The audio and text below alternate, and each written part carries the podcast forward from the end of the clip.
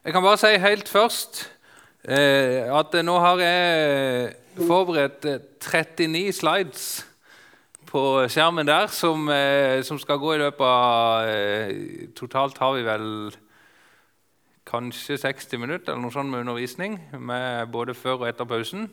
Eh, sånn at det blir ikke så veldig mye tid på hver slide hvis vi skal komme gjennom alt. Vi skal prøve på det.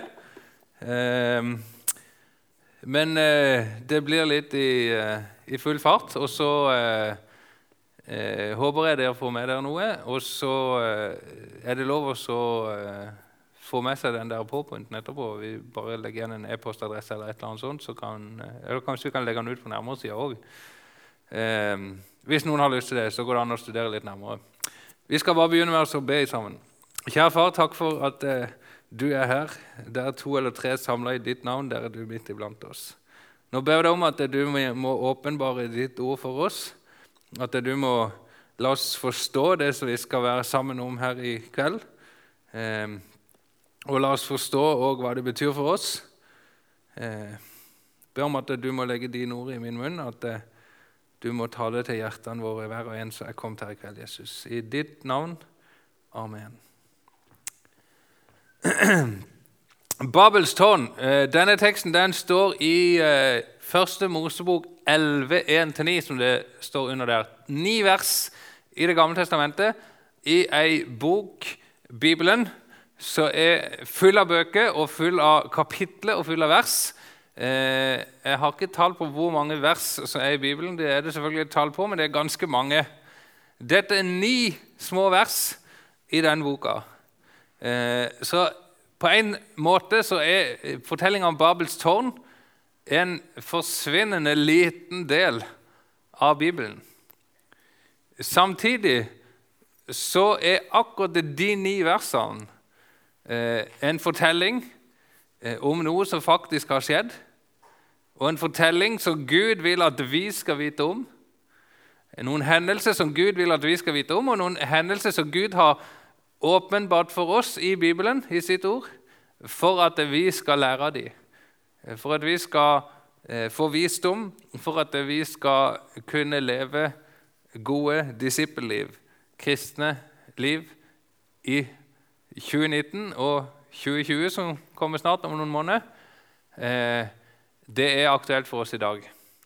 Og så er det også sånn at eh, egentlig Jo lenger fram i Bibelen du leser, Altså Jo lenger bak i Bibelen, kunne vi også sagt, altså det eldste i Bibelen, de eldste bøkene og de, det eldste stoffet i Bibelen, jo lenger bakover sånn sett i tid du beveger deg, jo mer leser du òg tekster som er grunnleggende for alt det som kommer etter. Og Sånn sett så står fortellinga om Babel eh, ganske langt tilbake i tid som noe ganske grunnleggende, og som blir referert til gjennom Bibelen, eh, og som danner grunnlag for mange av de tingene som skjer etter Babel og gjennom Bibelen. Og Det skal vi snakke litt om òg. Så skal jeg bare nevne at jeg har lagt to bøker der ute. Eh, hvis noen er interessert i å gå mer inn på det som har med skapelsen å gjøre, skapelse og eller evolusjon, så ligger den boka der ute. Eh, jeg kommer til å komme litt innom sånne ting i dag. Eh, og jeg kommer også til å komme litt innom endetid. Eh, endetiden en enkel oversikt. Den ligger òg der ute på bordet.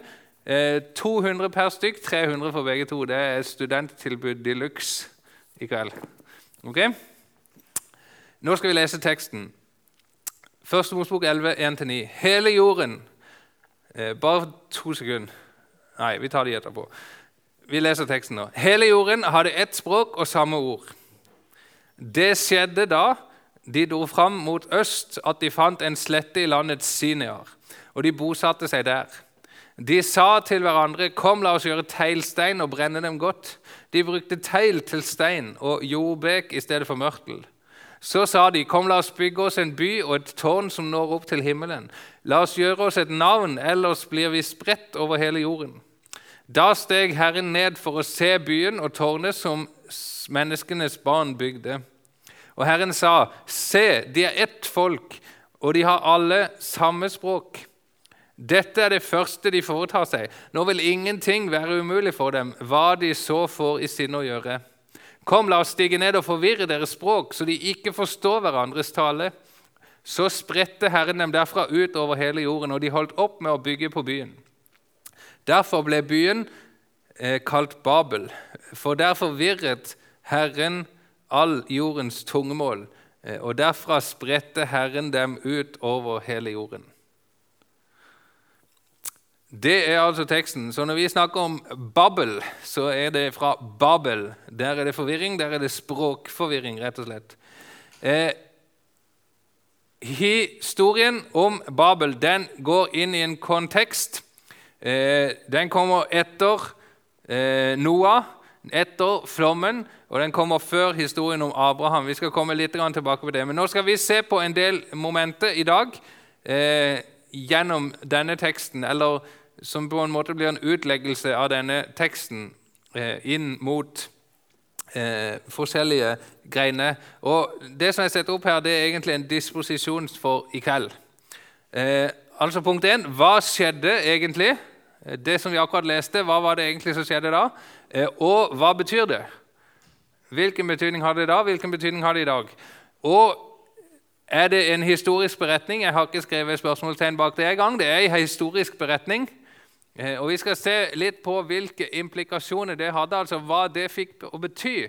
På hvilken måte kan vi se det i dag, at dette skjedde historisk? Spredning av folk, spredning av språk, spredning av felles historiefortelling, spredning av arkitektur og religion, dyr og mennesker. Eh, og Så skal vi se på det som har med Guds løsning å gjøre. Guds løsning innebærer en langsiktig plan fra Guds side som han hadde lagt før verdens grunnvoll ble lagt. Eh, og den har eh, tre kjernepunkter som jeg har satt opp her. i alle fall. Jesu første komme, Jesu andre komme og vår samling i himmelen. Eh, legg merke til at det er ordet 'samling' som er brukt der, mens det er spredning ved Babel, så det er samling i himmelen. Så Det går fra spredning til samling, den historien som kommer etter Babel. Hva skjedde, og hva betyr det? Som jeg nevnte, så begynner Bibelen med skapelsen. Så kommer det et syndefall. Mennesket velger bort Guds bud, velger bort Gud eh, og velger sin egen vilje eh, i stedet. Eh, det fører til at hele mennesket og hele jorda egentlig kommer under Guds dom. Derfor så finnes det ondskap på jord, derfor så finnes det naturkatastrofer, derfor så finnes det klimaproblemer eh, av forskjellig karakter. Eh, ondskapen vokste òg på jorda etter syndefallet. Og det kulminerer i at det blir så mye ondskap på jorda at Gud han sender en flom over jorda. Noas flom. Så bruker Gud Noah som et instrument for å frelse en rest på jorda. Noah, hans kone og hans tre sønner og deres koner. Åtte stykk var om bord i en ark eh, og ble frelst. Og Så står det i 1. Mosebok 10.32, altså det siste verset før vi går over til historien om Babel. Dette var Noahs sønners slekter etter sin avstamning, i sine folkeslag. Fra dem har folkene utbredt seg på jorden etter vannflommen. Og Da har vi altså akkurat vært igjennom ei oppramsning av sønnene og sønnesønnene. Og noen ganger i tre ledd er det vel òg til Sem og Kam og Jafet. Eh, til Noah, altså. Etterslekten til Noah, de som, eh, de som de ble til etter hvert De ble til mange folk etter hvert. Noah og hans sønner. Og når de etter hvert Det står ikke nøyaktig hvor mange år som gikk der, men når de etter hvert hadde blitt mange, så kommer denne historien om Babels tårn, der de drar fram mot øst og slår seg ned på Sinear. Arken den stranda jo på Ararat, eller i Ararat-fjellene, et større område egentlig som ikke er nærmere spesifisert, men i Øst-Tyrkia mest sannsynlig. Og Så drar de ned til Sinear, til sletta ved Babel, som er i dagens Irak, ned langs Eufrat og Tigris. Eh, der bygger de Babels tårn, eh, og derifra så spres de utover. Eh, og så har jeg skrevet her spredningen av de 70. For hvis vi regner opp de sønnene til Noah som står oppregna i kapittel 10, så får vi i hvert fall omtrent 70 personer. 70 menn som er nevnt, og Mest sannsynlig betyr det 70 familieoverhoder eh, som har hver sine familier, og kanskje de har òg flere eh, etterslektsledd etter seg på dette tidspunktet. At når en familiefar er oppnevnt, så er det egentlig oldefaren som liksom har en helt etterslekt etter seg. Men det er 70 der som spres utover. Eh, så kommer Abrahams historie. Gud velger seg ut én mann og vil ha, fullføre en bestemt plan med denne ene mannen, eh, nemlig å danne et folk som skal være det folket som Messias skal bli født inn i. Israelsfolket. Det er historien om Abraham. Eh, så inni der så skjer eh, Babel. Eh, det er noen kontraster også som ligger inne i denne historien. Eh, kontrasten mellom Nimrod og Abraham, f.eks. Eh, Nimrod han står det om i eh, kapittel 10 eh, at han var en mektig jeger for Herren. Eh, og det står om at eh, hans, begynnelsen på hans rike var Babel, Erik, Akkad og Kalne og landet Siniar. Vi vet altså at, eh, at Nimrod var en hersker i Babel. Det står ikke eksplisitt at han var herskeren når tårnet ble bygd. Men det, vi kan jo anta det, og vi kan iallfall vite at, at, omtrent på den tida så var Nimrod en hersker i Babel. Eh, Abraham han var ikke hersker noe sted, men han ble utvalgt av Gud til å gjøre noe. Og Det er en kontrast mellom Nimrod og Babel og det som Gud gjorde med Abraham. For i tårnet i Babel-fortellinga så står det dette her som jeg har skrevet der øverst Kom, la oss.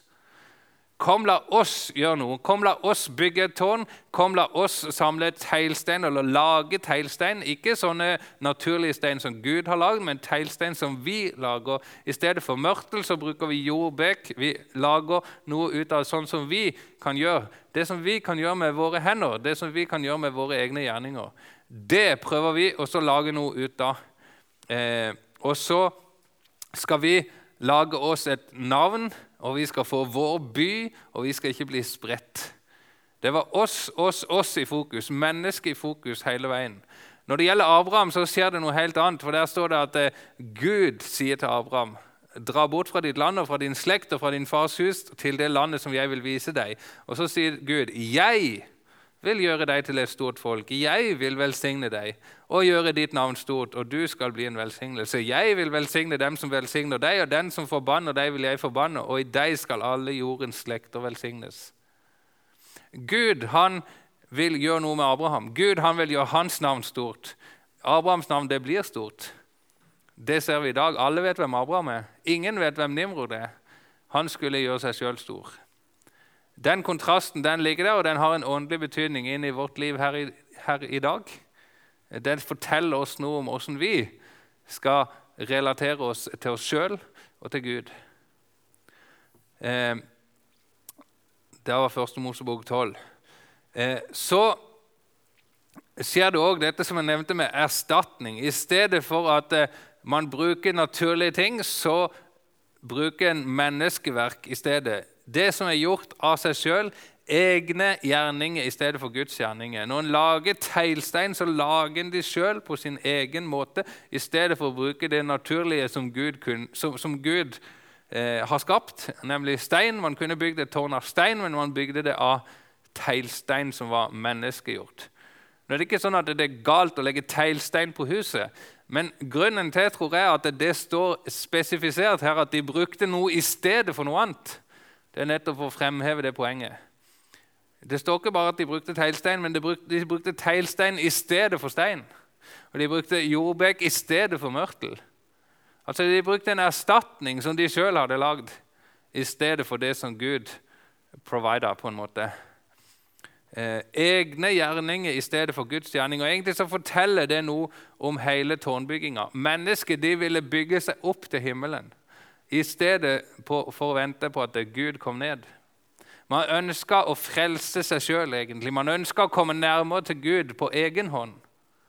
I stedet for det som da skjedde, at Gud han kom ned. Både der i Babel og senere, som vi skal høre om. Frelsen kommer nemlig ikke nedenfra, men ovenfra. I apostelgjerningen 1726 så står det han lot alle folkeslag av ett blod bo over hele jorderiket. Og han satte faste tider for dem og bestemte grensene mellom deres bosteder. Dette gjorde han for at de skulle søke Gud, om de kanskje kunne føle ham og finne ham, enda han ikke er langt borte fra en eneste av oss. Gud han spredte mennesker der ved Babel. Eh, han spredte det ut til å bli nasjoner, egentlig, folkeslag, folkegrupper rundt om i verden. Eh, og Det gjorde han med en hensikt. står det her. Dette gjorde han for at de skulle søke Gud. Gud ville ikke at de skulle fortsette å jobbe sammen opp mot himmelen der på midten, eller der i, Babel, der hvor de ville, samle folk. Men Gud han ønska at de skulle bli spredt utover, for om de kunne da søke Gud i stedet for å på en måte søke sammen i, i eh, dyrkinga av mennesket og hva mennesket kunne få til. Eh, det er interessant på mange måter. dette her. Det sier noe til oss åndelig om hva Gud vil. Om at Han vil at vi skal søke Han og Hans frelse i stedet for å søke menneskers eh, evner til å bygge opp ting. Eh, egen evne til å bygge et liv. Så skal vi søke Han. Det sier òg noe om hvordan Gud har styrt historiens gang. At Gud har villet at det skulle bli forskjellige folkeslag, forskjellige folkegrupper, forskjellige nasjoner rundt om i verden. Og Så kan vi tenke på det inn i den politiske situasjonen i dag. Og jeg tror faktisk det er litt relevant å tenke på det inn i politiske situasjoner i dag. Eh, for det står òg noe i Bibelen om hva som vil skje i framtida. Eh, og det skal vi komme tilbake til litt på slutten. Det er ikke så veldig mange dager. Det var ei Greta Thunberg som talte til FN. Ehm, det fikk veldig mye oppmerksomhet, eh, og det kan man si mye om. Eh, det var en annen en som talte, det var Donald Trump. Eh, det fikk nokså lite oppmerksomhet.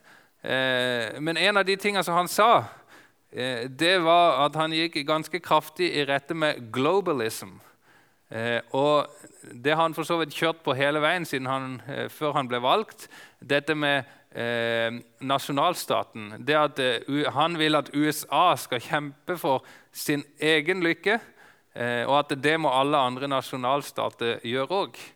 Eh, for han vil at eh, nasjonalstaten skal være sterk, og så kan man gjerne ha et samarbeid på tvers av nasjonalstater, i stedet for at alle eh, verdens folk og stammer og nasjoner på en måte skal gå, sammen, gå sammen til én en enhet. Den kampen der den tror jeg er reell. Og Jeg skal ikke si veldig mye om Donald Trump. og Jeg skal ikke, jeg skal ikke gå, gå, inn i noe forsvar for han eller noe som helst. Eh, men, men, legg merke til at den tensionen er der. Globalism versus nationalism.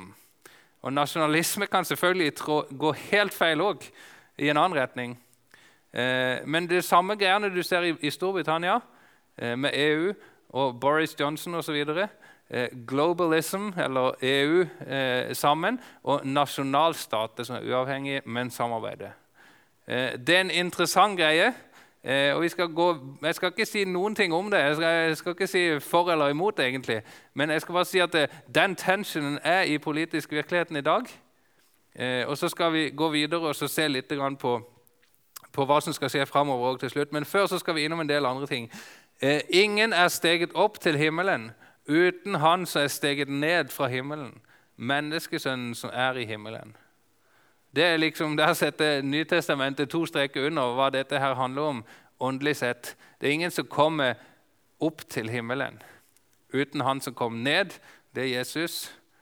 Eh, og menneskesønnen som er i himmelen. Det er Guds vei som gjelder. Det er hans frelse. Hvis vi skal komme oss til himmelen, så er det via Han som kommer ned og frelser oss. Spredning av folk det skjedde omtrent sånn som det står her på det kartet. Eh, for en del av disse folkene. Babel ser dere i midten, holdt jeg på å si, nede i høyre hjørne. Og så en del piler rundt forbi. Og så står det navn ut ifra de pilene på masse forskjellige plasser. Eh, eller egentlig masse forskjellige navn. Det, hvis vi leser i Første Mosebok 10, disse etterslektsleddene fra eh, Noas sønner, så ser vi, så finner vi disse navnene. Dette er Noas barnebarn og oldebarn. De spredte seg utover. Og mange av disse navnene de finner vi igjen på kartet i dag. Eh, jeg skulle hatt noe å peke med her, men det har jeg visst ikke fått med meg. Går det an å bruke et misjonsflagg? Jeg vet ikke. Eh, men dere ser, der, der, der, kan jo kartet. Det er jo så store. Eh, der ser dere Egypt ligger. Der står det Mitzrayim. Og litt lenger ned så står det Kush. Og Mitzrayim det er det arabiske og hebraiske navnet på Egypt. Eh, Kush det er det som etiopierne kaller seg sjøl. Var det en sånn eh, Er det rødt lys på denne her? Ja, se vet du. Så bra. Så Kush det, det, er på en måte Etiopia og Eritrea. De kaller seg sjøl det visstnok enda.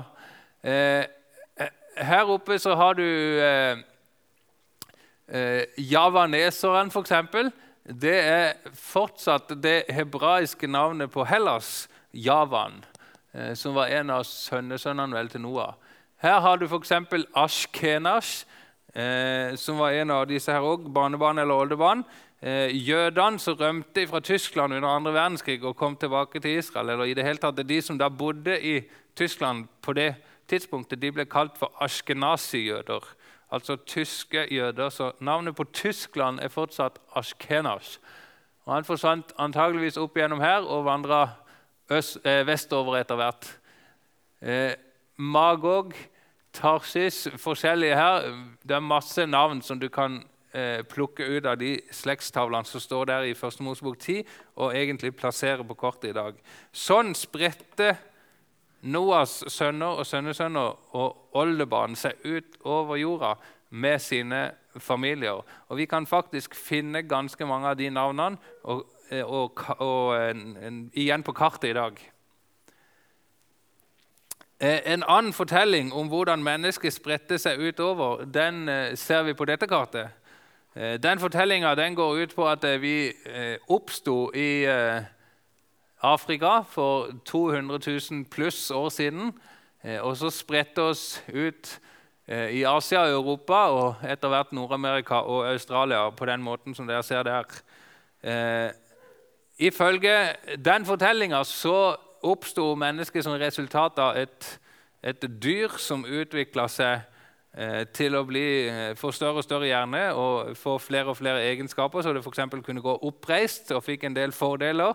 Eh, og ble etter hvert til de forskjellige menneskerasene eller typene, eller hva vi skal kalle det for noe, som man nødvendigvis må kalle det ut ifra en sånn tankegang, som fins i dag. Det er ikke det som står i Bibelen. For I Bibelen så står det at den som utøser menneskets blod, skal, hans blod skal bli utøst av mennesker. For i Guds bilde skapte han mennesket. Alle mennesker er skapt i Guds bilde. Alle mennesker er like, og de er forskjellige fra dyrene. De har ikke familie med dyrene. Eh, den, eh, det verset som står her, det står i 1. Mosebok 9, altså etter flommen. Det er ikke bare Adam og Eva det gjaldt, men alle mennesker er skapt i Guds bilde.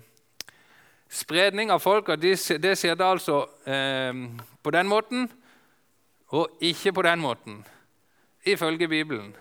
Og Det er da òg det vi finner igjen i virkeligheten når vi går og ser etter både i gamle dokumenter eller på kart osv. Eh,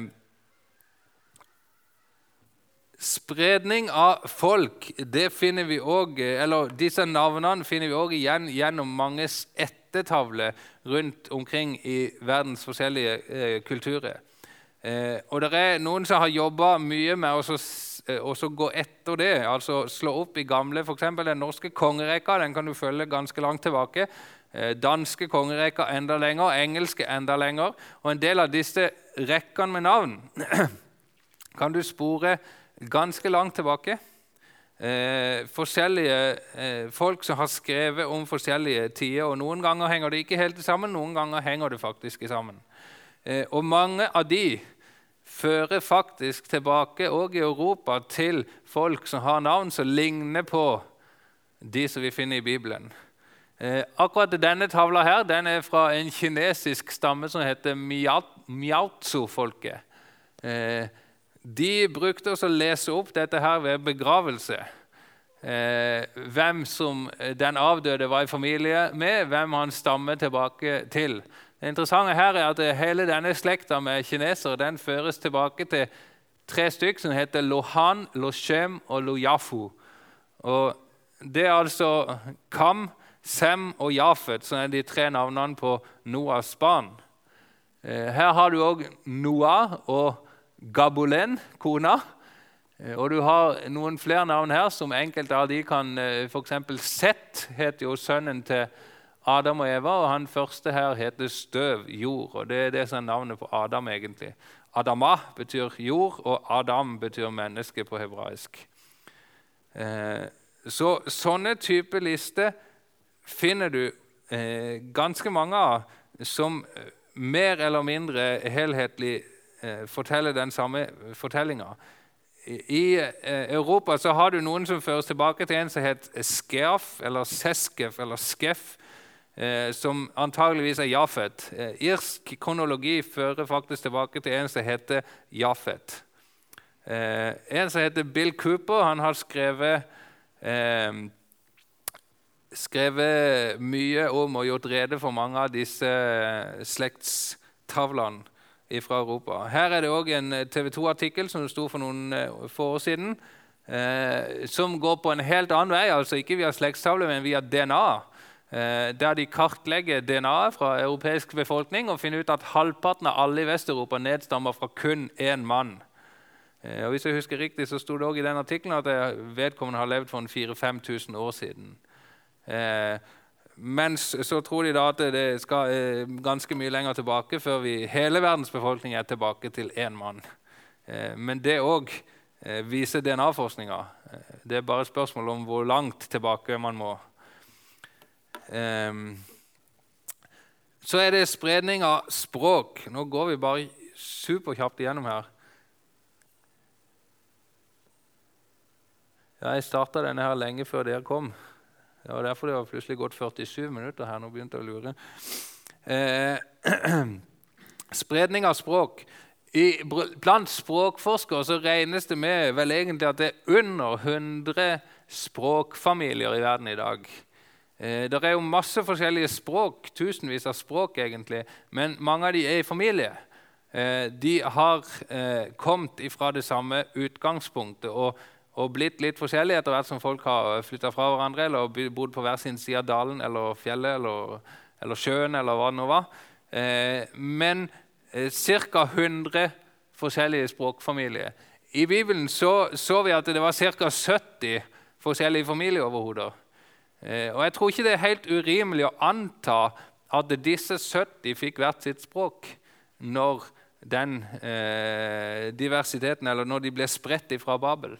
Det hadde vært litt unaturlig fra Gud og så gitt liksom faren et språk og sønnen eh, et annet språk og dattera et tredje språk og neste sønnen et fjerde språk, liksom, og så splitta familien opp. Jeg tror ikke han gjorde det. Jeg tror han ga hver familie et språk, og så ble de spredt ut etter sine familier. Eh, Ca. 70 språk antar jeg at det var helt der fra begynnelsen. Eh, så var det talte språk. De fikk et språk de snakka, så etter hvert har de forskjellige landene utvikla skriftspråk eh, ut fra det talte språket. Og det kan vi finne mye interessant om òg eh, gjennom språkforskninga og gjennom arkeologien, ikke minst. Eh, I tillegg så kommer alfabetet, som på en måte var et gjennombrudd. Antageligvis skjedde det rundt Moses' tid, og kanskje skjedde det faktisk med Moses og skrivinga av det gamle, eller Mosebøkene. Eh, det, det, er det en del ting som tyder på. Eh, før så hadde de skrifttegn, som de har i Kina i dag, der du må lære massevis av tegn for å kunne gi til kjenne det, du, det, som vil, det som du har på hjertet. Du Må, det, det, krever ganske harde studier å lære alle de skrifttegnene for å kunne skrive og lese osv. Eh, sammen med egyptiske hieroglyfer. Massevis av tegn som du måtte lære, som gjorde at mannen i gata lærte aldri det. Det var de skriftlærde som kunne det. Med en gang du kunne holde deg til 28 bokstaver, så var det plutselig mye enklere for alle å lære å lese og skrive.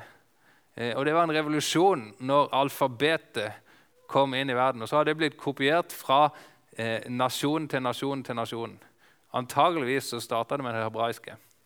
Eh, her er noen eksempler på at eh, våre indoeuropeiske språk de henger sammen.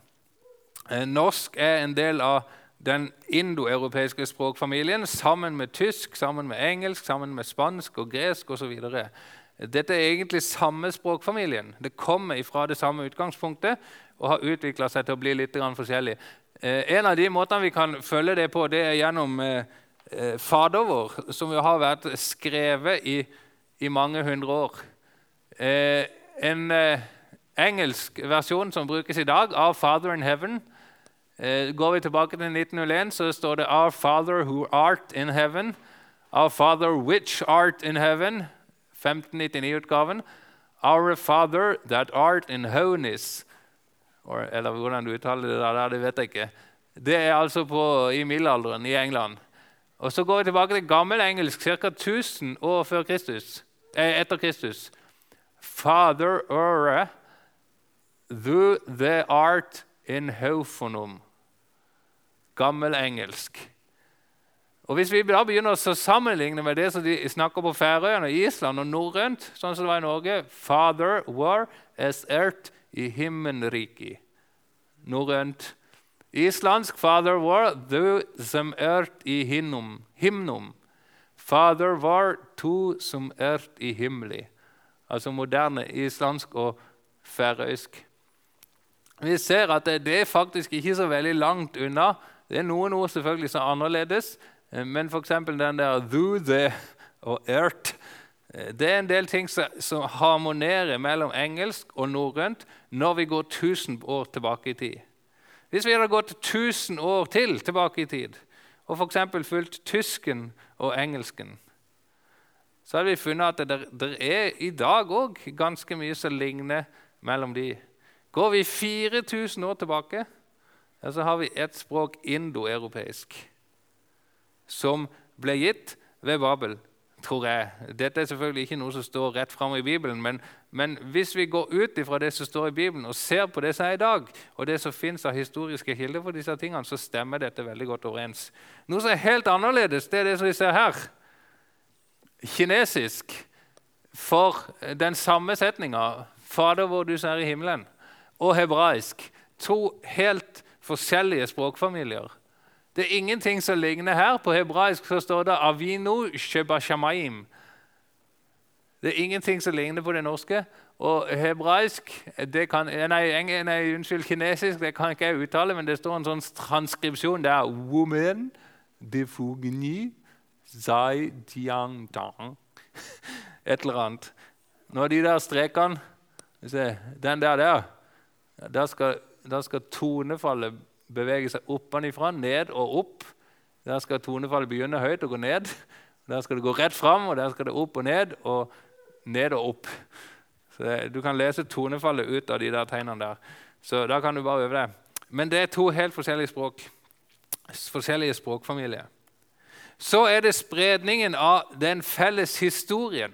For hvis det var sånn at det var 70 familier som spredte seg ut fra Babel, da betyr det at det var 70 familier som hadde ganske god kunnskap om skapelsesberetninger, som bare var noen få generasjoner før. egentlig. Flomberetninger som var enda nærmere i tid, og som de uten tvil må ha hørt om og om igjen, egentlig, eh, de som var med og bygde tårnet i Babel. Hvordan kan vi se i dag at de beretningene ble nedarva som fortellerstoff, eller som skrevet stoff gjennom disse disse, disse folkeslagene som oppsto? Jo, det kan vi se på ganske mange forskjellige måter. Vi kan f.eks. se det i kinesiske skrifttegn. Eh, tegnet for å skape på kinesisk, det står her. Og Det er satt sammen av, av tegnet for å snakke, tegnet for, eh, um, gjørme eller støv, tegnet for liv og tegnet for å gå. Alle, eh, eller Iallfall de tre første ting som er tatt rett ut fra første Mosebok 1, hvordan Gud skapte. Og Vi ser også at det tegnet for å, for å snakke egentlig satt sammen av tegnet for, for støv og tegnet for folk og tegnet for liv som finnes der. Eh, der det tegnet der er vel egentlig en, en munn, eller, som også står for folk på en eller annen måte, tror jeg. Eh, du har dette tegnet som, som peker i den retninga. Hvis du går videre, så har vi et et, tegn for, som gjelder noe som er forbudt eller advarer mot noe. Det er satt sammen av to trær og Gud. Det er det som er forbudt. Treet i Edens hage. Tegnet for båt eh, på kinesisk det er satt sammen av tegnet for en farkost. Åtte folk. En farkost med åtte folk, det er en båt ifølge de kinetiske skrifttegnene. Og Det er ganske tydelig at det kommer fra denne flomberetninga. Det fins flere sånne kinesiske skrifttegn, og det fins mange mange, mange beretninger i mange forskjellige kulturer verden over om en verdensvid flom. Her er det en oversikt over bare noen få egentlig, av det som eh, de sier er 270 dokumenterte flomberetninger fra forskjellige verdens folkeslag.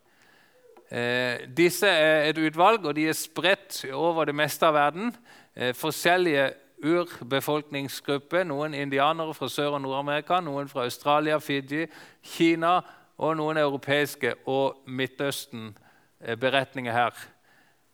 Noen har en fortelling sånn som i Bibelen med en monoteistisk tro. En én gud går igjen her flere plasser. Andre plasser er det polyteisme så går det igjen hos ganske mange at menneskene er onde. At Gud på forhånd varsler om en global flom. Eh, nei, unnskyld, om en flom. Og her har du eh, eh, gans, veldig mange som har bevitna at det er en global oversvømmelse. Så har du en redningsfarkost. Når det er snakk om indianere, så blir det gjerne en kano. Noen har en flåte, noen har eh, et tre. Eh, noen har en kiste, noen har en båt, ganske mange av de, og en ark eller et nøtteskall. Eh, men det er en eller annen eh, greie som går igjen her. Så er det en del forskjellige som blir redda gjennom disse, denne her, redningsaksjonen. Mange plasser så er det en familie som går igjen. Noen dyr reddes, noen fugler slippes ut, og den strander på et fjell og de ofrer til Gud, og regnbue i skyene. Det er ikke så mange som var med, men det er med i noen av fortellingene òg. Eh, og det fins mange mange flere av disse fortellingene. Så jeg er tatt vare på hos, hos forskjellige urbefolkningsgrupper. Så er det noen som har innvendt at ja, men, eh, de første som kom til disse urbefolkningsgruppene, de var jo gjerne misjonærer. Og Det var sikkert det første de gjorde, å fortelle dem om bibelhistoriene, om skapelsen og flommen osv. Og, så og, og dermed fikk de disse forestillingene. Men da er det jo litt rart at de har ikke fått med seg mer enn at det var en, et nøtteskall eller et løv som de eh, kom i land på. Eh, det er heller ikke så, eh, så eh, eh mye en misjonær skulle ha tjent på å fabrikkere alle disse opplysningene. Og andre plasser så var det nok heller ikke misjonærer som kom, som kom først. Men det er rett og slett ganske god dokumentasjon på at, at det er en sånn felles eh, historiefortelling om en global oversvømmelse. 95% av disse fortellingene forteller om en global oversvømmelse fra forskjellige urbefolkningsgrupper. Eh, her er et kart som er inntegna en del av disse farkostene sånn som det er fortalt gjennom de eh, folkelige tradisjonene. Eh, så er det spredning av arkitektur. Det finner vi òg igjen en del av tror jeg, i dag ut fra tårnet i Babel. Vi vet ikke akkurat hvordan tårnet i Babel så ut. Om det var sånn som på dette bildet, som var tidsånden for i dag, eller om det var mer i retning av dette her. Men det vi vet, det er at det fins denne type bygg. Og det største her, eh, bildet Dette her, det, fins det er bare noen kilometer sør for Babel. En sigurat. Den er i Ur i Sør-Irak.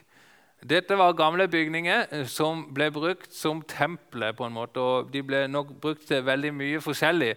Eh, men det som var hovedingrediensen, det var her på toppen. Dette er bare en, en modell av hvordan det så ut når det var helt. Eh, det var et tempel på toppen. Og Antageligvis så hang det sammen med at det var nettopp det som var poenget med eh, tårnbygginga i Babel. Ikke å bygge et tårn som fysisk sett gikk helt opp til himmelen, men å bygge et tårn som nådde til himmelen på den måten at man kunne elevate gudsdyrkelsen til toppen av det tårnet og komme nærmere Gud. Eh, og så hadde man et avgudstempel, et offersted, eh, oppå der. Sånne typer sigurater de finnes òg i Iran, sånn som denne her. Eh, I Egypt så bygde man pyramide. Det gjorde man òg i Sudan. Det gjorde man òg i eh, aztekerkulturen i eh, Mellom- og Sør-Amerika. Hvis vi ser på neste bilde her, så ser vi mange flere pyramider. Sakkara og i Egypt. Eh, Java, disse to her, i Indonesia. Kambodsja, Kina eh, og i Mexico, The Pyramid of the Moon. Og Så har vi noen litt nyere versjoner. Spania og Roma. Den der er vel ca. 2000 år gammel i Roma.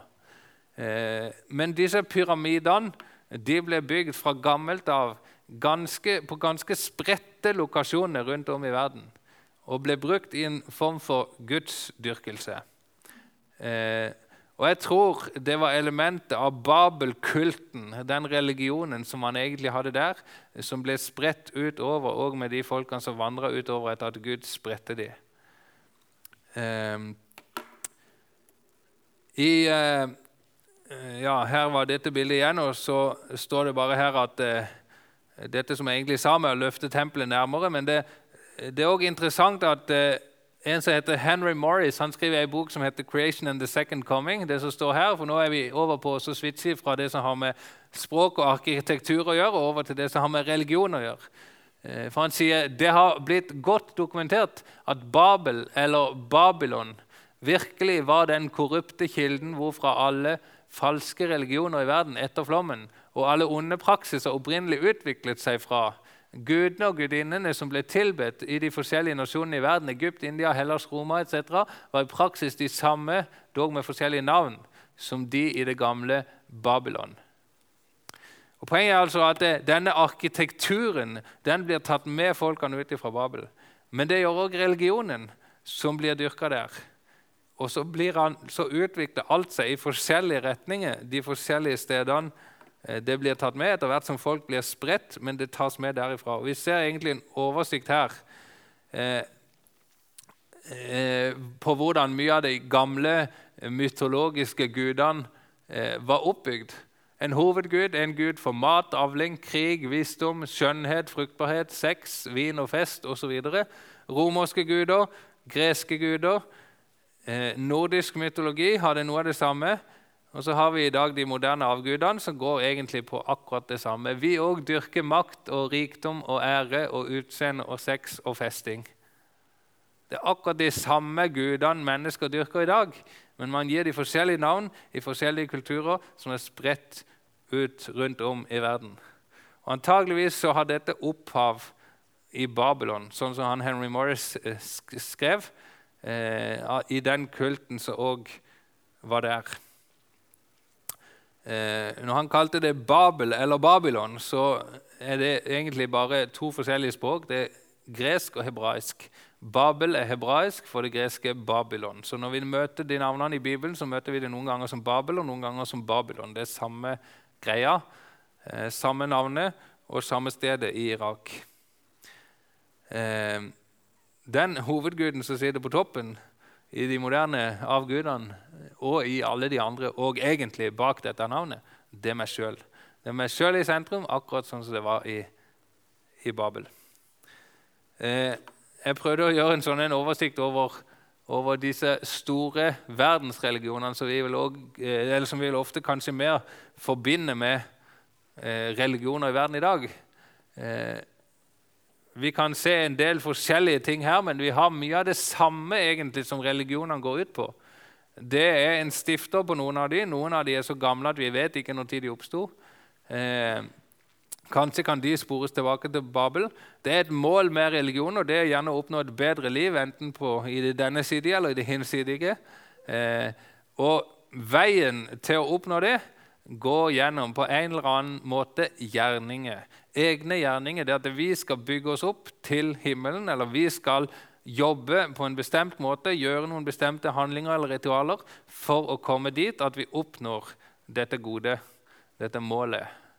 Eh, det går religionene ut på. Eh, kristendommen er radikalt annerledes. For den handler om at Vi kan ikke gjøre oss fortjent til frelse, men Gud han kom ned for å gjøre den saken opp for oss totalt og radikalt annerledes enn dette Babel-systemet.